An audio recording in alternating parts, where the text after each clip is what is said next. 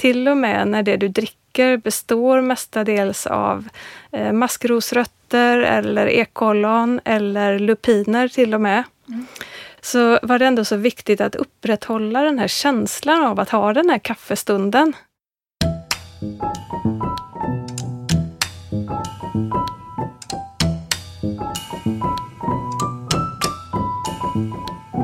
Välkommen till Matarvspodden. I denna serie pratar vi om mat som kulturarv. Jag, Lisa Häger, möter olika författare som alla är med i antologin Matarv. Berättelser om mat som kulturarv. Då säger jag varmt välkommen till Maria Persson, forskare vid Historiska studier. Tack så mycket.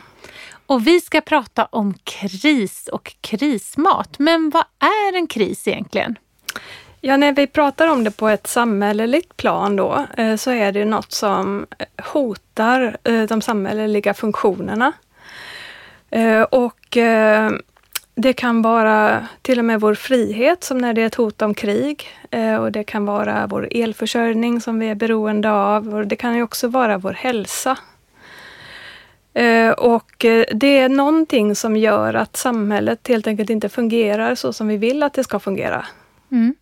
Nu har det ju varit, de senaste åren har vi levt i ett spännande samhälle som vi inte riktigt var vana vid innan. Skulle du säga att det har varit en kris nu med pandemin? Det skulle jag säga. Eh, och vad jag förstår så är det även klassat som det eh, av Myndigheten för samhällsskydd och beredskap. Och eh, det man framförallt har varit orolig då för när det kommer till att de här grundläggande funktionerna i samhället är hotade, har ju varit en, en rädsla för att sjukvårdssystemet skulle kollapsa om det blev en alltför stor spridning av pandemin mm. för snabbt. Mm. Ja, ja, det låter ju som en kris som heter duga. Men är det den första krisen som vi känner till i vårt moderna samhälle? Eller eh, vad finns det mer för kriser vi kan prata om? Ja, vi har ju till exempel två världskrig bakom oss på 1900-talet. Mm. Eh, där vi inte var en krigförande part. Men eh, där verkligen våra samhällsfunktioner och våra liv var hotade och vår frihet då i det fallet. Och där är vi inne på maten och matar. För under första världskriget så fanns det ju något som hette hungerkravaller. Vad, vad var det? Ja, det var ju någonting som bland annat eh, hände här i Göteborg där vi sitter nu. Mm. Och eh, det var en akut livsmedelskris under 1917, alltså första världskrigets eh, tredje år. Och eh, Sverige höll sig ju politiskt utanför även första världskriget och var neutralt men påverkades ju såklart av kriget. Och det som påverkade flest människor är att det blev eh, en matbrist eh, som blev mer och mer akut allt efter hur länge kriget gick. Mm. Och det, det berodde ju framförallt på att eh, importen skars av på grund av krigshändelserna. Men det sammanföll även till slut med missväxt i, i den ena, egna produktionen av framförallt spannmål. Mm.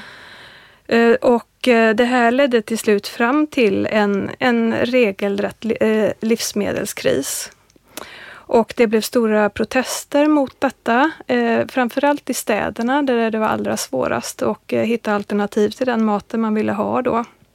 Och här i eh, Göteborg så ledde detta fram till eh, vad vi kallar för hungerkravallerna eller brödupproret. Mm där man eh, var väldigt upprörd över detta, helt enkelt gick eh, hungriga. Och det var tiotusentals människor som demonstrerade på gatorna att man ville kunna köpa framförallt då bröd utan kuponger. Eh, och det var väldigt orolig tid. Men sådana här uppror skedde i väldigt många svenska städer. Men något av det mest kända är det som var här i Göteborg. Och det var en viss eh, stadsdel framför allt va, som det var i? Eh, ja, eh, vad jag vet så är det runt Järntorget där mm. det också finns ett eh, minnesmonument som jag kan rekommendera alla att gå och titta på över just den här händelsen. Vad gjorde myndigheterna för att råda bot på det här då? Ja, det som går att förstå nu var ju att de reagerade alldeles för sent. Att man inte insåg hur allvarlig situationen höll på att bli. Eh, för det var till och med så att eh, exporten fortsatte även om importen var eh, avskuren. Mm. Så under första världskriget så hanterades det här inte speciellt väl. Det var också det här som ledde till en livsmedelskris. Så eh, inte speciellt väl hanterat, men det skulle kunna komma att bli bättre längre fram. Ja, och det leder oss in på nästa eh, världskrig. Hur hanterade man eh, livsmedelsbristen där eller hur fungerade det med det? Kan du utveckla det lite? Ja, när andra världskriget bröt ut då, 1939 så eh, hade man ju de här erfarenheterna med sig sedan första världskriget som inte var speciellt långt borta. Och eh, alldeles inledningsvis så, så blev det en rejäl hamstringsvåg. För människor var ju väldigt oroliga och rädda för att det eh, inte skulle gå att få tag på mat. Mm. Och att importen skulle eh, brytas av. Men eh, här hade ju myndigheterna lärt sig en hel del från erfarenheterna eh, från det förra kriget och var betydligt bättre förberedda. Så det var förberett ett system av eh, kuponger och administrationen kring detta då. Så att maten skulle kunna eh, distribueras så jämnt som möjligt. Det är därför man gör ransoneringar, eh, för att maten ska fördelas så jämnt som möjligt. Mm. Och att förhindra att människor kan börja hamstra så det var ingen större livsmedelsbrist till en början utan det var snarare en, att myndigheterna var lite mer visa av erfarenheten från första världskriget helt enkelt? Ja, den blev inte akut alls på samma sätt som under första. Spännande. Men eh, hur har hanteringen av brist på, var, på mat varit över tid av eh, staten och medborgarna? Ja, i händelse av de här kriserna som vi pratar om då, så eh, har ju staten gått in ganska kraftigt och försökt att, eh, eh, om vi pratar framförallt andra världskriget då, lagt upp det här stora, stora systemet kring hur maten skulle kunna fördelas. Och det fick ju medborgarna rätta sig efter då och börja klicka, klippa kuponger och trixa och fundera på vad man kan äta istället och så vidare.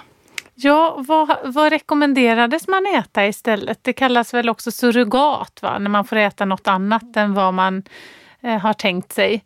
Ja, det är ju att man försöker ersätta det man helst vill ha med något annat. Och det allra mest kända här är väl eh, allt kaffesurr, det vill säga kaffesurrogat.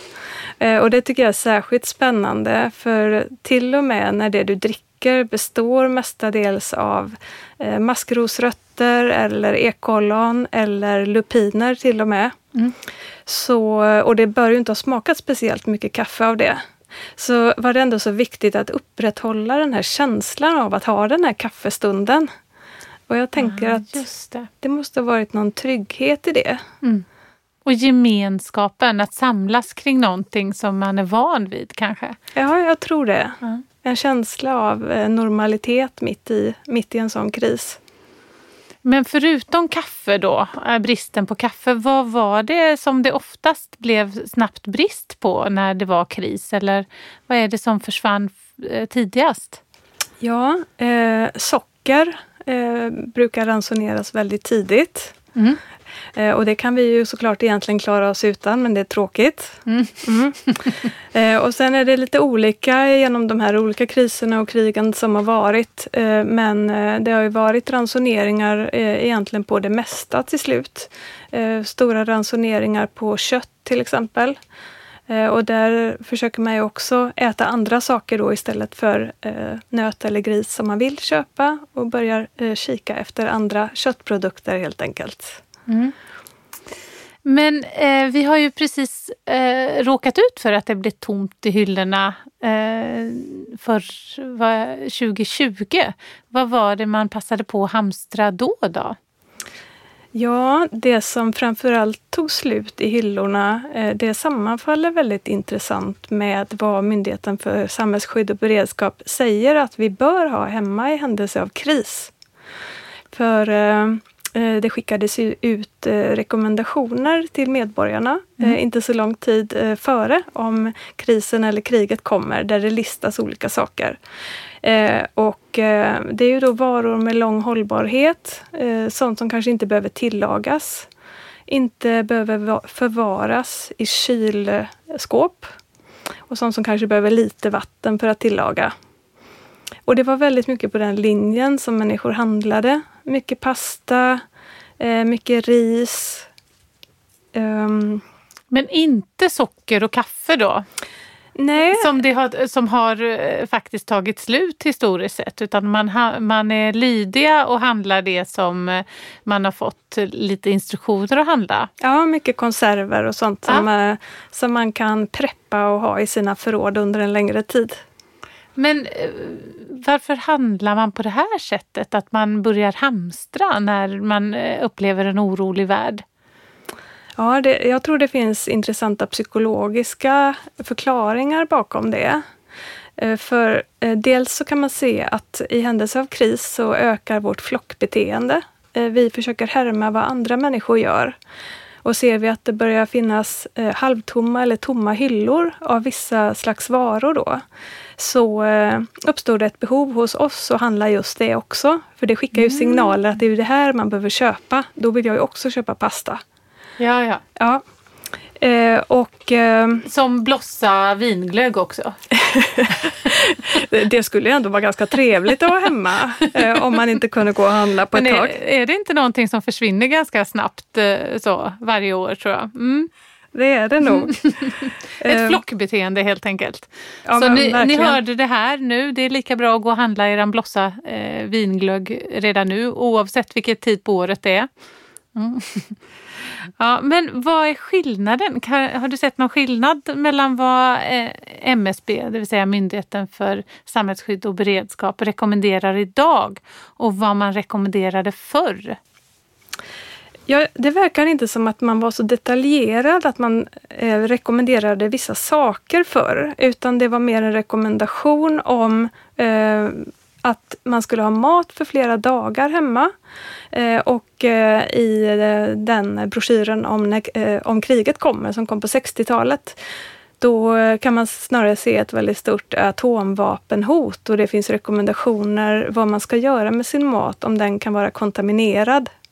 Men inte vad du ska packa i din ryggsäck om, om du behöver utrymma. Medan vi idag då snarare får råd exakt vad vi ska ha på inköpslistan för detta. Eh, proteinrik, håll, hållbar mat till exempel. Mm. Eh, och jag skulle tro att det har att göra med att när de här rekommendationerna senast kom på 60-talet, då var eh, andra världskriget ganska nära i tid och människor då hade med sig de erfarenheterna och kunskaper på ett annat sätt än idag. Och nu eh, tänks det i alla fall då att vi behöver mer detaljerade instruktioner om vad vi ska handla för mat. Ah, det är att vi inte är lika självgående nu kanske som vi var på 60-talet helt enkelt? Nej, det börjar bli ganska länge sedan nu som vi hade en verklig livsmedelskris. Mm. Ja, Jag har inte den i vårt matminne. Nej. Men du, eh, du har ju tittat lite på vad man varit tvungen att äta när eh, det har varit kris. Så har du fem saker som man har ätit under kris som man inte skulle äta nu? Ja, jag har några saker jag har tänkt lite extra på där och eh, jag har fastnat mycket för den här helstekta grävlingen. Den, den är ganska ovanlig nu. Och den är ändå, tillgången är ändå ganska god tycker jag som kör bil ibland på motorvägen. Det får man verkligen säga. Så möjligheten finns. Ja, men, men, inte viljan på samma sätt. Eh, jag skulle även, om vi också pratar vad som finns längs med vägarna, eh, säga lupin mm. som användes för att göra kaffe. Och vilken del av lupinen är det man använder då om man ska göra kaffe? Det kan jag inte svara på. Vi kanske får experimentera. det kan vi göra. Vi kan ha en sån kaffesurkalas kanske efter den här podden. Gärna det. Ja. Eh, och eh, sen så har man ju genom tiderna ätit mycket sjöfågel och även deras ägg. Eh, mm. Och det har man gjort i kustsamhällen även när det inte har varit kris. Men det är någonting som, som har ökat och som, vi in, som inte ingår i vår vanliga matsedel idag då. Mm. Eh, sen har vi det här med kaffe gjort av kanske enbart ekollon eller maskrosrötter. Eh, kaffe inom citationstecken får man verkligen säga. Ja. Men man, man dricker nog känslan av att dricka kaffe. Och det också kan ju vara ett koffeinfritt alternativ för de som vill dra ner på koffeinet. Det är ett jättebra tips. Ja. Eh, och slutligen skulle jag vilja lyfta fram det här med egenodlad kanin. Eh, det är inte vanligt längre, eh, men det var ju vanligt under tiden för andra världskriget. Och det uppmanade även myndigheterna medborgarna att göra. Att hålla kaniner och att på så sätt få möjlighet till, eh, till en proteinkälla. Mm. Ja, nej, det känns väl lite som att kaninen har en annan roll i vårt samhälle just nu. Ja, ja det får man säga. Ja. Då säger jag tack så mycket Maria. Tack så mycket.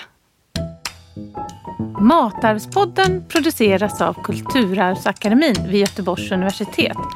Vill du veta mer om mat som kulturarv? Läs gärna boken Matarv som finns på Carlssons bokförlag. Och vill du veta mer om Kulturarvsakademin? Sök på webben